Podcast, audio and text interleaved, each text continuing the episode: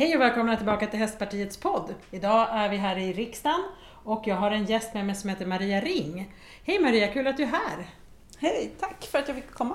Hörru Du, du jobbar ju med att förmedla hästar Mm. och även ansvarig för avel och, och hingstationen åt Tjockholm eller? Ja, det stämmer. Gud vad häftigt. Ja, det är Ja. det faktiskt. Men du, berätta, vem är du?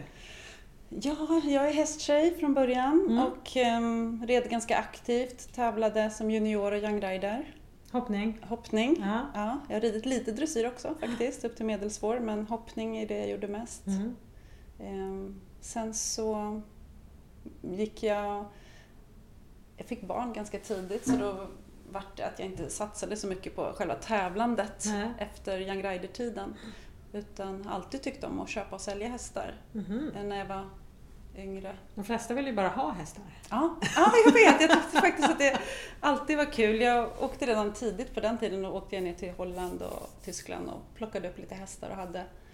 Men eh, sen så gick jag även kiropraktorutbildningen och ville bli hästkiropraktor. Det var. Jaha. det jag brann för mycket Ja. också. Det här med massage, jag gick, gjorde laserterapi och gick och läste anatomi på häst. Så att, Mhm. jag har brunnit mycket för den friskvården för häst Mm. också. Mm. Och det tror jag jag har haft med mig mycket senare när jag har fått godkända hingstar. Att jag, eh, det kiropraktiska, att jag har sett liksom hur de står på benen, att de är korrekt Mm. byggda och sådana saker. Mm. Det, det har nog faktiskt hjälpt mig rätt mycket. Mm. Det, det intresset för friskvård och muskulaturen och senor och ligament. Och, Mm. och sen det andra också såklart, hur de hoppar och teknik och sånt. Men det, det var intressant. Mm. Men eh, hur, kommer du på, eller hur kom du på att nu ska jag börja köpa och sälja hästar? Ehm, ja, som sagt, jag, tycker, jag har alltid gjort det i en liten skala, Ja. alltså ganska direkt. Men sen nu på sista tiden när jag har gjort det på heltid, eh, det blev nog, eh, eftersom jag har kontakt, haft kontakt med Paul i många år och vi har Mm. testat ihop, ehm, så blev det när jag åkte ner med en duktig tjej som heter Cora och hennes tränare Helena Persson som är en av mina bästa vänner som sa att eh, kan inte du hjälpa Cora? Eller kan inte du be Tjockemeles? Och så, så hittade vi en jättefin häst till henne. Mm. Chaginho heter den, som hon har vunnit SM på och fått Mhm. rida EM på. Mm. Eh, Det var nog lite där det började. I samband också med att barnen blev så stora så att de fick egna körkort och klarade sig själva. Innan var jag Ja, väldigt det. engagerad i deras idrotter och allt det de gjorde. Mm. Så då vart det, att- så vart kom nästa och fråga och nästa. Så på den vägen blev det. Mm. Började vi. Mm. Är det många som du i Sverige som är liksom hästförmedlare? Eh, Jag tror att det är ganska många som säljer sina egna hästar som de har i stallet. Mm. Jag tror inte att det finns så många som är så... Jag säljer ju inte mina egna hästar Nej. utan jag förmedlar. Mm. Det är nog skillnaden. Att jag eh, tar reda på, folk ringer mig och så, så berättar de exakt vad de söker. Och sen så använder jag mina kontakter och letar upp rätt Mm. häst. Mm. Det är det tror jag som skiljer mest. Så det är inte så många som gör exakt det. Jag, jag känner ju några. Ja. Mm. Men det är många som pratar om eh, att det finns en ganska stor hästbrist i Sverige och jag, vad jag har förstått det så även runt om i Europa. Hur ser det ut eh, tycker du? Är det det och, och märker du av det i så fall? Eh, hästbrist i Sverige har jag nog märkt av. Mm. Många som har letat. Eh, I Europa så... Det, det kan jag inte säga för där är jag ju hos Paul som han har ju så extremt mycket hästar. Han har ju Hur många sex, hästar? 6000. Oj. Det På går- ett och samma ställe? Eh, uppdelat... De flesta är på hans uppfödarställe i Levitz mellan Berlin och Hamburg. Mm. Där har han väl så typ 3,5 mil gånger 3,5 mil Oj. i mark. Där de går från föl till, till de är kanske fyra någonting. Och sen så kommer de till det andra stället där de rids och tävlas mera. Mm. Så det är två ställen uppdelat.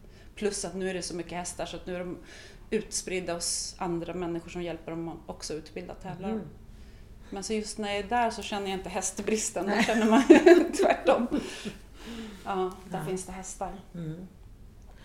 Ser det ut i stallar där som här? Har man ungefär samma djurskyddsregler och, och liksom de ska Hmm. gå ut en viss tid och ha boxar?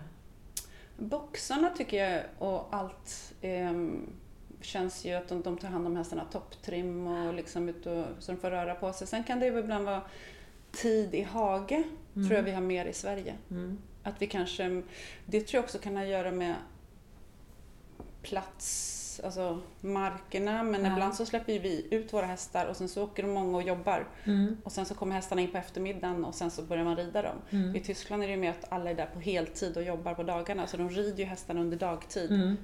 Lite mer så. Men det, de får inte lika många timmar kanske i hagen vad jag har sett, där jag är. Men Ja. får komma ut och röra på sig och gå skrittmaskiner och rida så hästhållningen är jättefin. Mm. Mm. Så är det.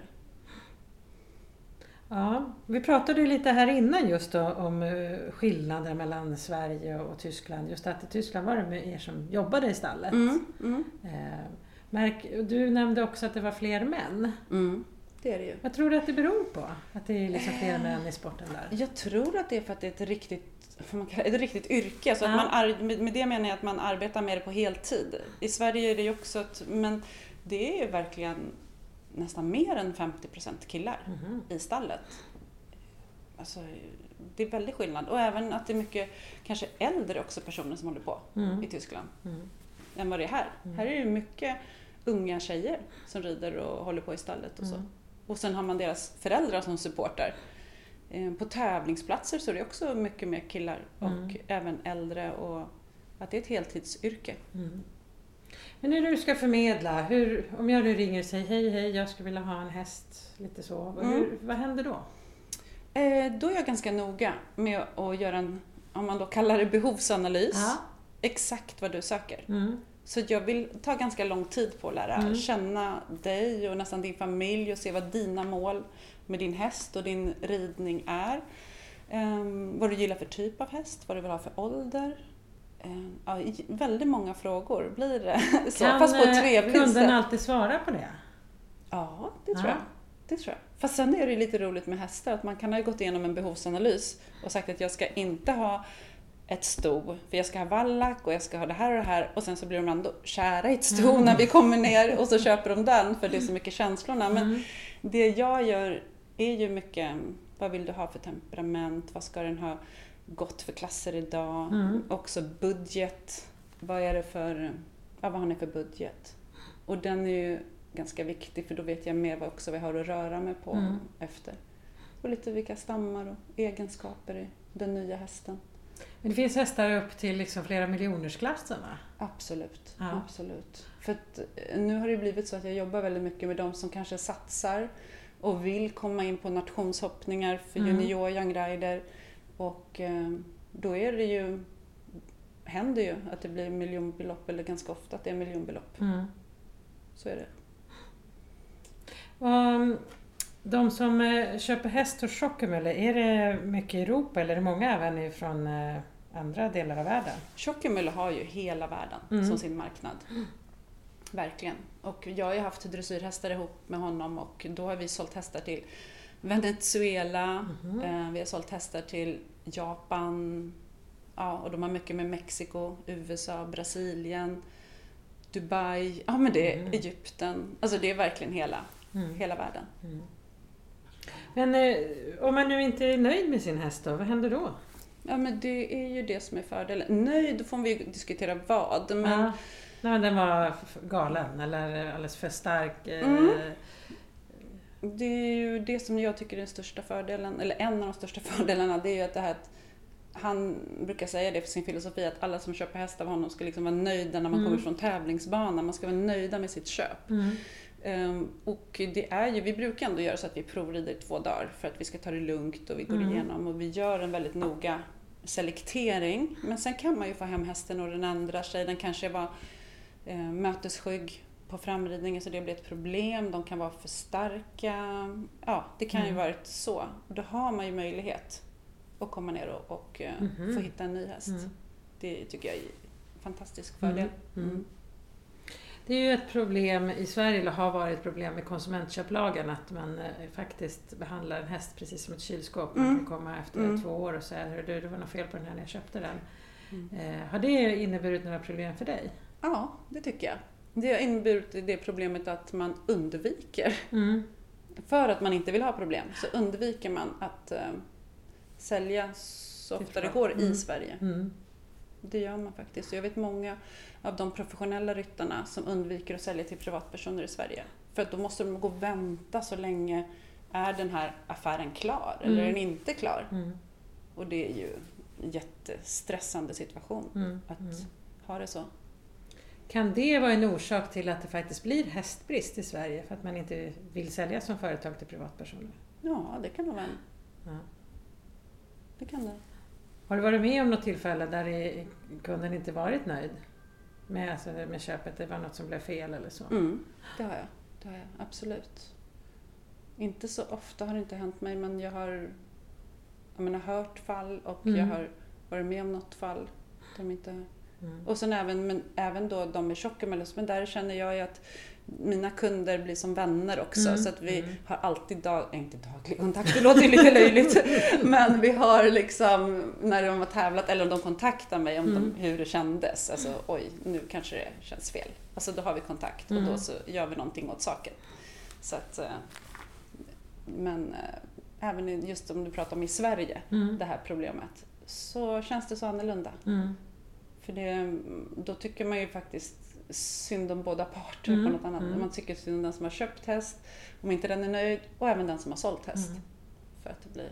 Och hästen som Svårt. kanske kommer i kläm? Ja, den också. Mm. Ja. Ja, det är inte enkelt. Vi jobbar ju för att försöka förändra det där men det har blivit en liten förändring av konsumentköplagen så att eh, vad gäller dyrare hästar ska det vara enklare men det är fortfarande inte lys- lyder under den lagstiftningen. Mm. Det är ganska konstigt Mm. att man jämställer en pryl med ett levande djur. Alltså det är så konstigt. Alltså bara hur man rider, det vet, alltså vissa rit, oh, hur man rider på underlag, Ja. hur hårt man rider sina hästar. Alltså, det kan så mycket som kan skada eller ändra en hästs Hur beteende. snabbt kan man liksom rida sönder en häst tror du? Ja, det kan ju gå hur fort som helst Ja. egentligen. Alltså bara att man rider på fel underlag och i fel tempo och i Mm. obalans eller... Ja, det kan gå väldigt fort. Mm. Och till kontra hur den andra red, alltså, eller hur man hade det. Eller på för djupt underlag, alltså vad, vad som helst. Det, det är en, och hur man inte musklar dem eller inte rider dem i balans. Man kanske rider dem på bogarna Mm. väldigt mycket. För man kanske inte ens förstår att man gör det. Det är ju oftast det. det är, jag Mm. tror ingen vill rida sönder sin häst. Nej. Det är ju verkligen... Alla vill ju göra precis det bästa för sina Mm. hästar. Men det kan ju bli bara för att de inte förstår. Ja, nej, det är tråkigt när det händer Mm. saker. Mm. Men du, det här med att matcha då. Då tar du ju en sån här behovsanalys och försöker se vad man eh, vill ha och liknande. Mm. Är det någon gång du säger att nej men hörru du, den där hästen är verkligen ingenting för dig? Ja, det Ja. händer faktiskt. Lyssnar de på dig då? Ja, det Ja. tycker jag. Det tycker jag. Ofta så tycker vi ju lite lika. Alltså, Ja. sådär, för att de kanske är, en häst är för känslig eller behöver komma exakt rätt på hinder Mm. eller den är för stark eller den är för slö. Vissa ryttare gillar ju pigga hästar. Mm. Mm. Och andra gillar kanske sätter lite fart. Alltså vissa ryttare har en starkt säte utan att de tänker på det. Mm. Så här, de får lite fjong på hästarna så här. Mm. Eh, Så att, nej, men det brukar vi vara ganska överens om när det känns att det blir Ja. rätt häst. Och det är väldigt ofta när vi provar flera, ja gud ja, vi säger nog nej då, det blir ju 90% nej. Alltså, Mm. Eller så här, den Mm. och den tills vi hittar rätt häst. Det, det gör vi verkligen.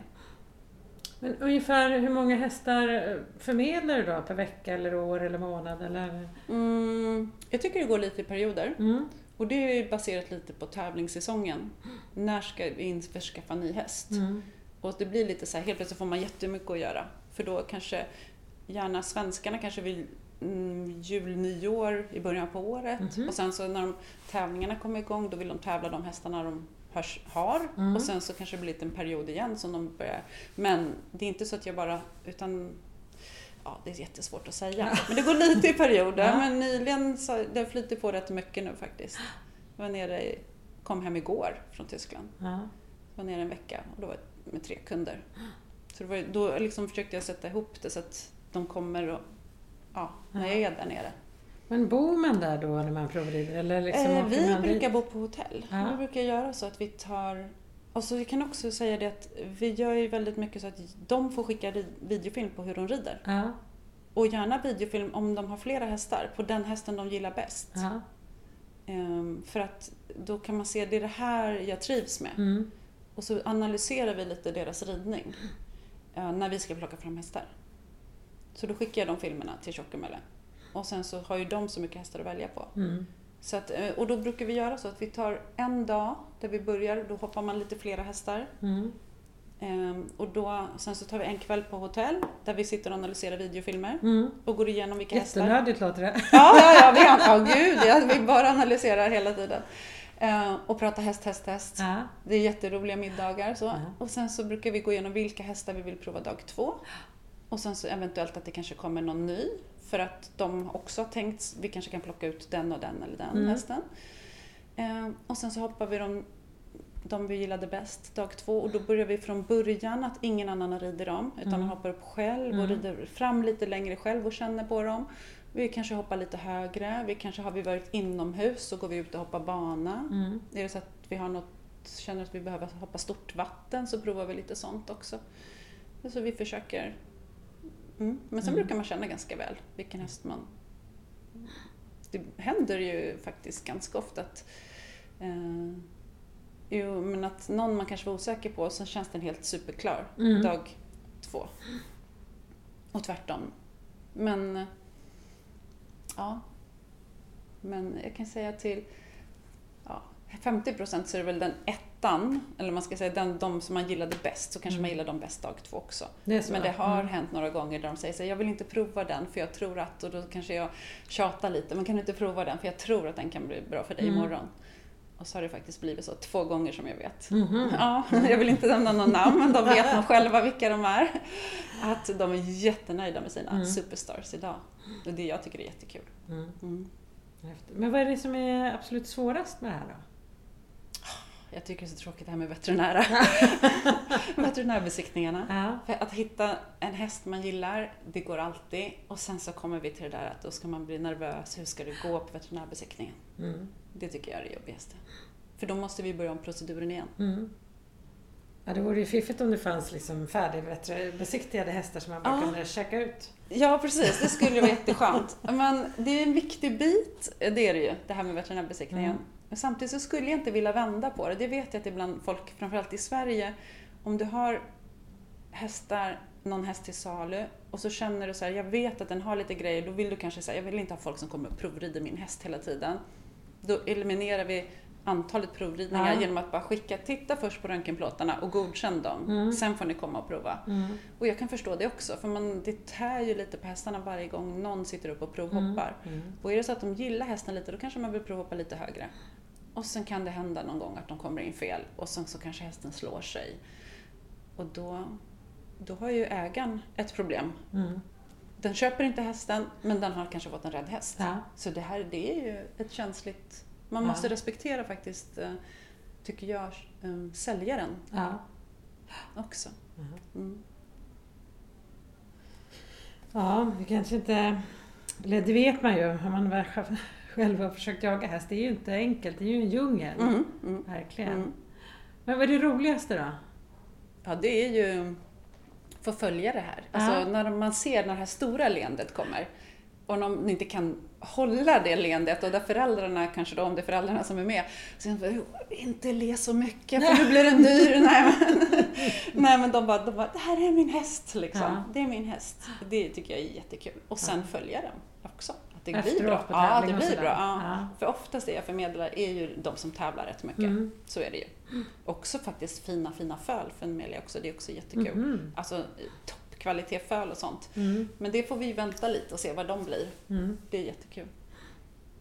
Men jag tänker på föl då. Du var ju också ansvarig för avel och hingststation. Mm. Är det här i Sverige då? Mm. De som har uppfödarna som har ston, de kan ringa mig och ställa frågor och få lite avelsråd och så, vad de ska välja för hingst. Och då måste de ju berätta lite mer om sitt sto Ja. och vad också vad de vill. Och så kan jag berätta lite om vilket temperament eller vilka, var, hur de ja, förvärver sig. Från vilken hingstarna. hingst man ska välja, seminen. Ja, liksom. precis. Och sen så självklart även det här bara ta emot beställningar. Idag Ja. behöver vi semin för det här stoet och det ska skickas till dit och dit. Så det Mm. har vi på morgnarna mellan typ halv sju till nio, tio någonting där så är det mottagning av Mhm. beställningar. Mm. Så det har jag nu fram till ja, mitten på sommaren, Ja. augusti eller någonting. Mm. Så det kan också bli kul sen och när de blir större. Nu Ja. har jag börjat med det i år. Okej. Men, ja. ehm, Så du har inte sett ett färdigt föl Nej, jag har inte sett ett färdigt föl. Men jag har redan börjat få föl som, alltså de jag pratat med, då säger de så här, nu har vi producerat, kom ut en sån här liten fin kille, vi vill göra en till. Ja. Eller vad, ja sådär. Så att det, man får ju börja följa en sån här föl. Gud vad roligt. Mm, det Så är jättebra. Ja. Hur enkelt är det att föda upp hästar i Sverige? Tror du? Mm. Svår fråga. Ja. Hur menar du? Nej men jag tänker, eh, det är ju några som har hört av sig som upplever att det är svårt att starta företag egentligen. Ja. Eh, För att man måste ha visst många hästar på det ena stället och på Gotland måste du ha ett annat antal hästar från Skatteverket och så vidare. Eh, Men är det liksom en legitim eh, ansedd bransch? Det tycker jag. Uppfödningen och kanske om du ska starta, alltså starta bolag och uppfödning. Mm. Den brukar, tror jag, om vi pratar Skatteverket, släppa igenom mer än kanske för köpa, sälja, tävlingsverksamhet. Mm. Om det nu, ja. Men eh, sen vet jag inte, jag tror att vara uppfödare är nog inte svårare i Sverige men sen så tror jag att vi måste kanske hjälpa till och, så att de får sina ja, avkommor när de blir två, tre, fyra, fem, att liksom får dem utbildade och synas på marknaden. Om de nu vill uppföda, det beror också på om man vill föda upp för att sälja Ja. eller om man vill föda upp för att behålla själv. Ja, så det är ju liksom, men för de som vill, där skulle vi kunna ha bra samarbeten och det tror jag man ibland har efterlyst mycket. Ja. Liksom, uppfödarna En ganska ringer. snygg radioövergång till det här andra som du pysslar med, det här um, Clip My Horse. Ja, Clip My Horse ja, precis. Ja, berätta, vad är det? Eh, Det är ju en, em, ett företag som filmar tävlingar Aha. i hela Europa Aha. och i hela världen faktiskt, i, även i Mexiko och USA. De, filmar, de är störst i världen på att filma tävlingar. Ja. Och där har jag haft möte nu med um, Svensk Varmblodföreningen Mm. och eh, där vi, jag vill jättegärna att vi för våra uppfödares skull, att vi ska filma alla fölvisningar, treårstesterna, alla såna här små kval till Falsterbo eller till Breeders Trophy blir det ju. Mm. Sånt, så att, för de har så mycket tittare. Och det är ett enkelt sätt att få Har de en egen kanal? Ja, de har en egen, en egen app, en egen Okej, kanal. Och då blir det ju att, för nu har vi ju jättebra som filmar i Sverige. Men då har vi inte lika många utlandstittare som tittar på våra Ja, uppfödningar. Så det försöker jag då få in och jag tror att vi kommer få ett bra samarbete där. Där vi kan få våra, att någon ser någon treåring kanske tidigt på Mm. treårstest. Mm. Och så kan vi få igång marknaden. Om de vill självklart sälja sina uppfödningar såklart. Men det är en liten snurr för att Ja. det kanske ger en snurr på om vi pratar om ehm, att kunna jobba med hästar på heltid. Mm. För de som vill det. Så att det inte bara blir att man går först till jobbet och sen går man till stallet just och rider sina hästar. Men ju mer vi kan få igång köp-säljmarknaden Mm. desto mer kan vi få folk som Mm. lever på att vara i stallet och vara med sina hästar. Mm. Eh, Jag förstår att du har mycket att göra och du kom från Tyskland igår. Eh, Är det liksom en jättestor efterfrågan så du får säga nej till kunder? Mm, jag säger ju kanske nej till kunder, eh, inte på grund av tidsbrist tror jag inte, utan i sådana fall deras förväntningar gentemot deras budget. För jag Mhm. vill att det ska bli rätt. Alltså jag vill inte säga att jag kan hitta en häst om de vill ha en häst som ska gå jättehögt och så har de en budget som kanske ehm, inte är så stor och sen att de om hästen också ska vara prickfri på Mm. röntgen. Mm. Där tycker jag det är lite svårt. Att alla kriterier, då kanske man kan förstå, jag har en jättefin häst men nu är den i den här prisklassen för att den har någonting på röntgen. Mm. Men, ja. Så att ibland hittar jag inte de hästarna. Det är Nej. alltid lättare såklart om du har lite friare budget. Mm. För att då kan man pricka av alla saker, att den ska ha de och de och de resultaten. Och sen så, men det brukar vi också prata om, liksom, kan du ta en häst som är lite svårriden kanske så vet jag en. Alltså, Mm. Men man måste ju vara öppen i den dialogen. Mm. Mm. Eller en som har det här problemet. Mm. För då vet jag någon super... Ja. Så att jag, ja, jo, men ibland kan jag tack, inte tacka nej men säga att jag ska fundera. Mm. Och sen har jag kanske inte hittat någon häst för det. Mm. Men är det andra än Tjockemöller som du förmedlar hästar åt eller kan det vara så att jag kan ringa och säga att jag har en pärla här? Ja, gud Ja. ja. Gud ja. ja, men jag har ju fått ett ganska bra kontaktnät i Sverige också. Mm. Mm. Och det vill jag ju absolut ha. Det vill jag ju. Och sen är det också det här med, i Sverige så har jag en vän som eh, har bra kontakter i USA. Mm. Så det är också så här, vad, vad är en bra häst? Det är ju precis vad man ska använda den till. Mm. De vill ju ha precis det vi inte vill ha. Alltså de vill ha, Aha. ja, amerikanerna vill ha liksom lågställd, framtung, alltså Aha, lite så, aha. och galoppera sakta, så slow. Och så, fast de ska ha fin frambildsteknik. Mm. Um, om de måste byta galopp när man byter varv. Men de ska liksom verkligen vara... De, vi vill ju ha dem lite grann på bakbenen Mm. med en hä- häftig galopp och det ska Mm. bara stampa från backen och liksom Mm. lite action. Mm. Men de vill inte ha den action. Så har man en häst som är lite åt det slöare hållet men fin och trevlig och ja, då passar det för USA-marknaden. Mhm. Så att man kan ju liksom hitta hästarna åt olika håll. Så då har vi faktiskt i år ja, har jag förmedlat en del till USA. Mhm. Men sälja en häst till USA, där kan man ju inte köra på trailer, då måste man flyga en Mm, häst. mm. Är det liksom svårt att eh, flyga en häst? Ehm, nej, det är inte så svårt att flyga en häst. Eller, det, är ju liksom, det krävs lite blodprover Ja. och, och sen självklart lite det här med transport dit och boka flyg, flyg och allt det där. Nu har inte jag behövt göra den biten men vi gör det hela tiden. Ja. Men nu har jag så bra kontakter som, som gör det dagligen. Ja. Men det är liksom lastflyg, det är inte vanliga SAS? Liksom. Nej, utan de står ju i såna här äh, bås, som man säger då. Och så åker de ju upp in, och in i planen. Så att eh, det är ju en grej i sig. Jag inte ens tänkt, nu är det ju så vanligt med Global Champions Tour och alla tävlingar att hästarna flyger ju rätt ofta. Och de, alla de som säljs, de flyger ju också. Men Ja.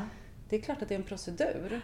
Där skulle man ju behöva göra studiebesök. Det vore ju en podd. Ja, det, ja, men det kan jag ordna. Att, kontakter som de som håller på med det. Ja, häftigt. Mm. Ja. Men eh, blir hästar jetlaggade? Säkert. Ja. Det tror jag nog. Varför skulle de inte? Jo, de är ju så himla vanedjur. ja, med sina tider ja, och tider mat. och, så. mat. Ja, det Ja. tror jag. Det skulle jag, men jag tror att man ger dem tid också. Alltså, Ja. om man ska till en tävling så får man väl ge dem lite tid Ja. precis, och räkna in det. Om man i alla fall har good man, ja, Ja, horsemanship det. så det är inte så det. att man flyger idag och tävlar imorgon. Nej, det är ju kanske lite ofräscht. Ja. Ja. Hur är det om man transporterar en häst långt? Finns det regler för om jag nu kör en lastbil till Tyskland att Mm. det måste vara en viss tid innan jag får Mm, tävla? mycket.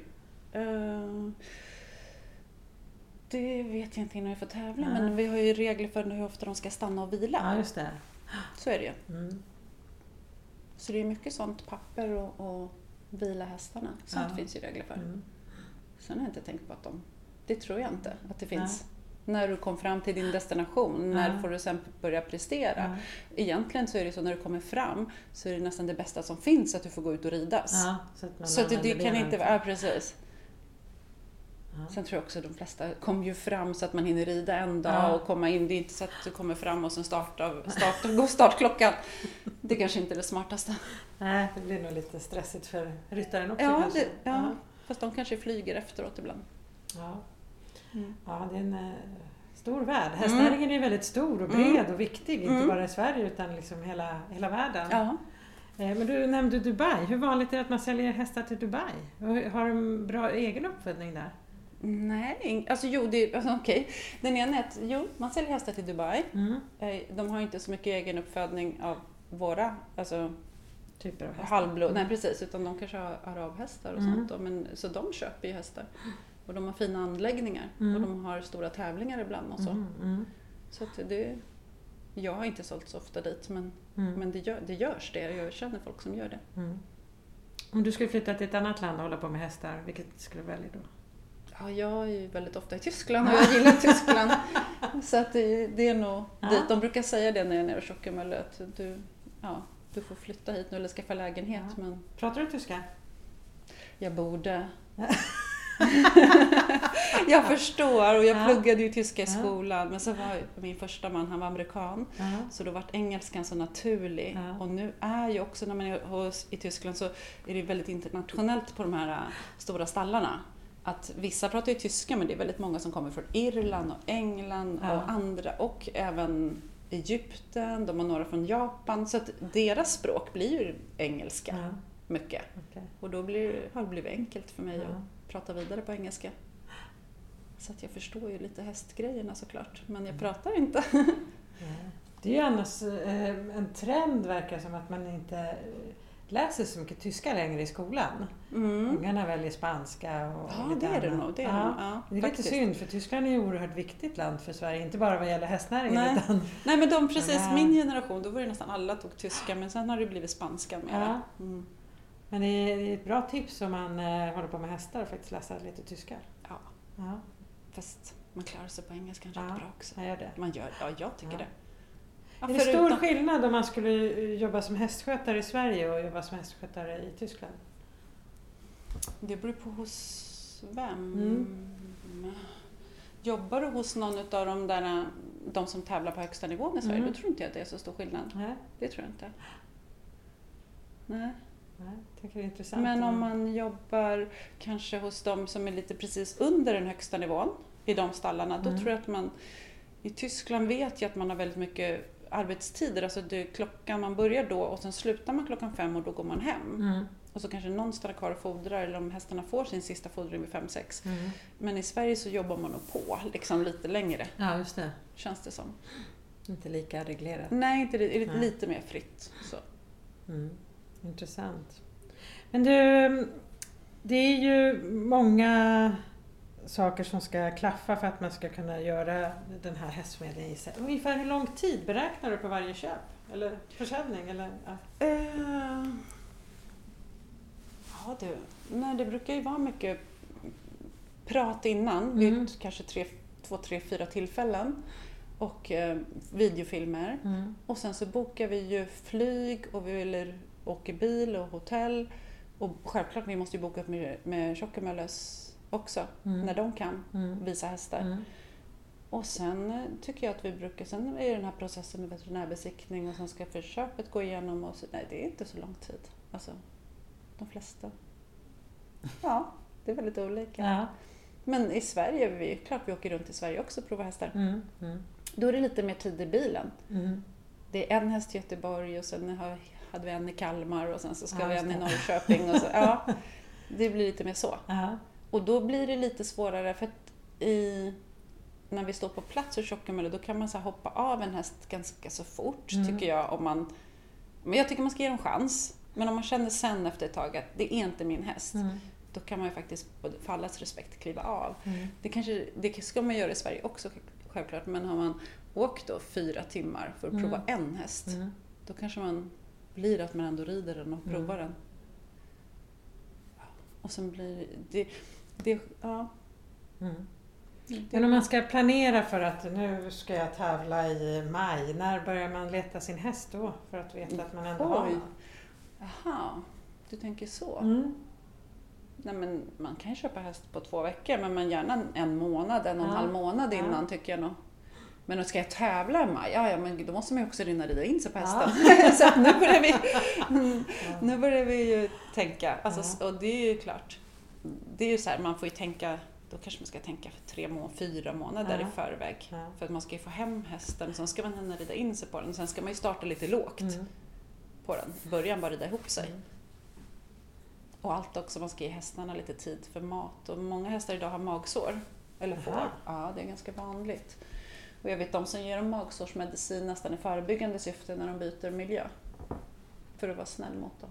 Jag har själv haft magsår så jag vet att det gör ont. Ja men verkligen, men Mm. visste inte jag att det var så vanligt på hästar. Ja men det är faktiskt vanligt Jaha. på dagens hästar. Mhm. Jag vet inte, det där får vi väl ta...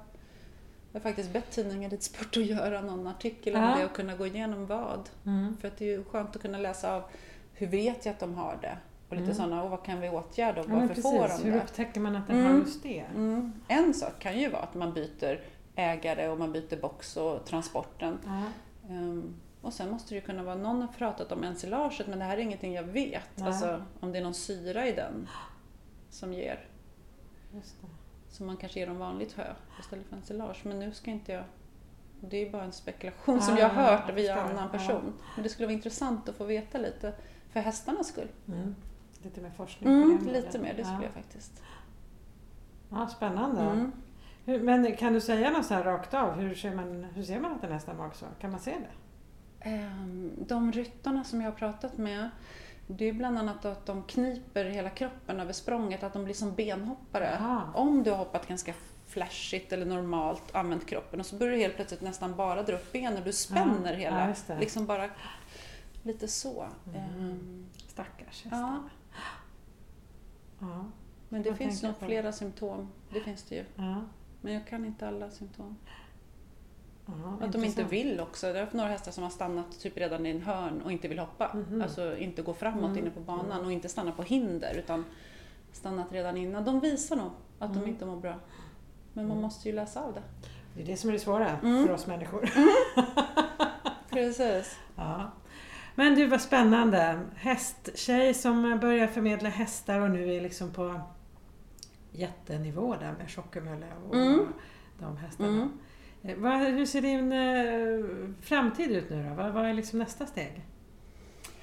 Ehm, nästa steg, det är ju egentligen att njuta av det här. Ja. För att jag har ju tidigare jobbat som försäljningschef på inkassobolag och lite mer på kontor och sådana saker. Ja. Men jag nyper med armen varje dag att jag får göra det här. Ja. För att jag tycker att det är så väldigt roligt. Ja. Och att jag tycker att det är kul att få följa ekipagen och att jag, det känns inte som ett jobb. Utan Mm. det, jag gör någonting som jag faktiskt brinner för själv också. Mm. Eh, Så då är det ju att um, avelsbiten, den ska jag lägga ganska mycket tid på.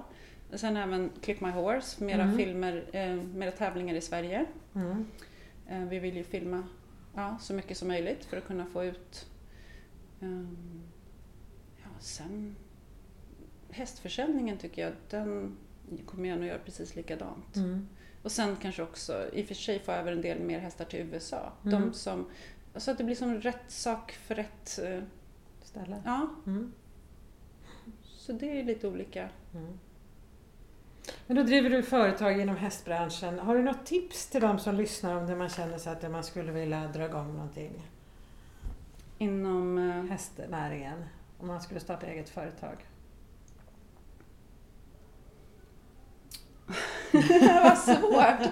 Menar du inom, alltså det beror på, många älskar ju faktiskt hästar mest att rida. Ja. Alltså du vet att, eh, ta emot och rida till hästar. Det är ju, Ja. De flesta gillar kanske den biten, att vara med Ja. hästarna.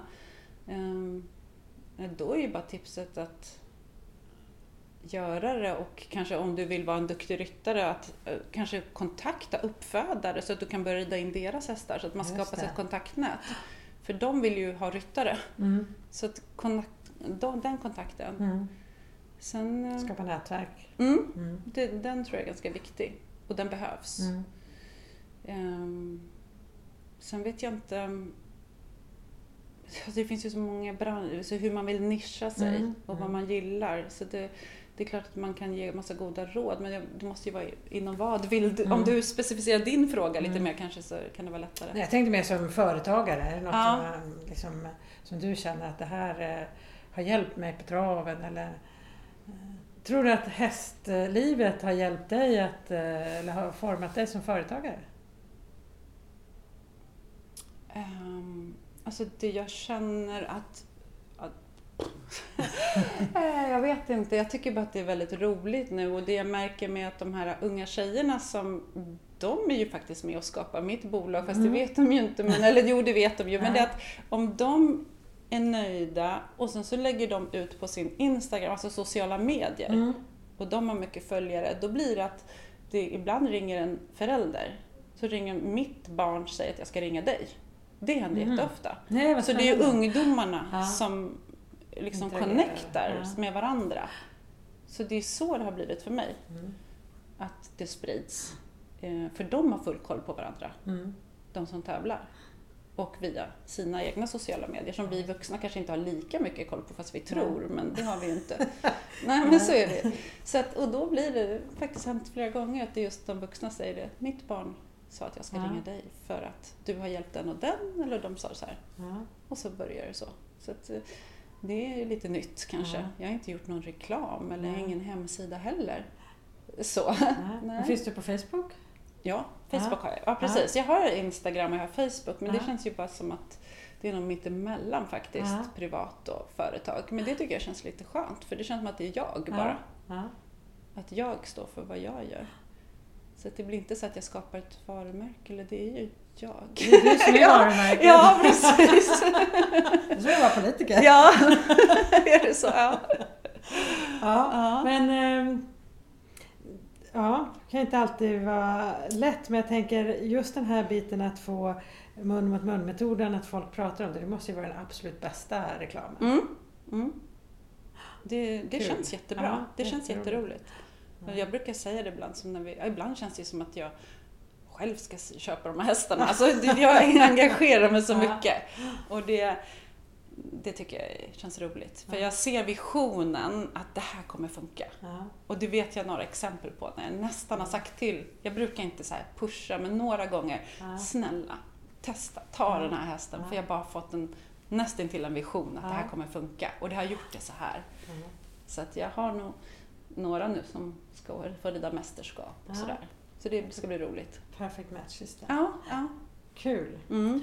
Ja, äh, hästnäringen är stor och bred. Det finns Mm. massor att göra och Mm. du gör eh, din del här. Mm. Men jag tänker om du fick möjligheten att eh, vara här, inte just här i riksdagen men på andra sidan vattnet i, i, där regeringen sitter Mm. och vara minister och bestämma om hästnäringen. Finns det någonting som du känner att det här skulle jag vilja bestämma för att förbättra för Sveriges hästnäring? Eh, För Sveriges hästnäring, alltså jag känner bara för hela folket så känner jag Mm. att jag skulle vilja att det skulle bli flera skulle få börja prova att rida. Mm. För att eh, det är så hälsosamt Mm. att få vara med djuren.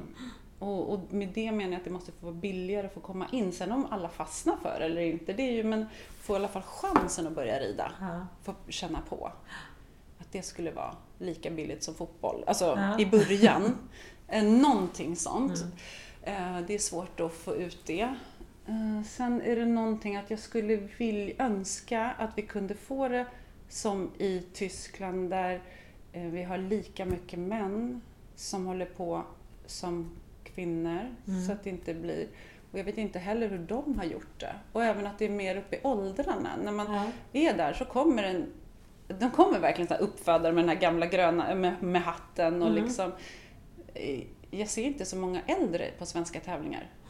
Nu, de är ju, men alltså det är ännu mer äldre Mm, i Tyskland och det är så skönt tycker jag. Det är mysigt att det är hela generationen. Mm. Eh, Om, om man också kollar när det är kanske Göteborg Horse Show så har ju våran publik så är det mycket unga Ja. och i Tyskland så är det liksom så mycket äldre Jaha. och blandat. Mm. Men jag vet inte hur, hur det ska gå tillväga. Men jag skulle nog försöka få det dit. Först Ja. att flera skulle få börja rida. Och sen att vi på något sätt ska få in det. Så att det blir. Mm. För vi vet ju liksom de killar som tävlar och det är ganska mycket killar som börjar tävla men det är ändå inte, absolut inte på samma nivå. Mm. Där är det i stallgångarna på Tjockemölle så är det precis 50-50 Mm. om inte mer killar Mm. nästan. Vi vill forska lite i det tror Mm. jag, hur vi kan eh, lära oss av varandra egentligen, Ja. Sverige och Tyskland. Sen är ju vi så duktiga, alltså vi är ju OS-bäst nu och man är så Ja. stolt att vara svensk så det är helt galet. Ja. Någonting, jag tror vi har väldigt, väldigt fin hästhållning och väldigt fin ryttarkänsla i Sverige Mm. och liksom mycket som är bra. Som väldigt fin, mycket talang. Mm. Det, det har vi. Och det ska vi verkligen ta, ta vara Mm, på. Det är mm. fränt att ha världsetta och världstvåa Ja. och OS-guld. Ja, ja. Vart- var du när de tog OS-guld? Kommer du ihåg Ja. situationen?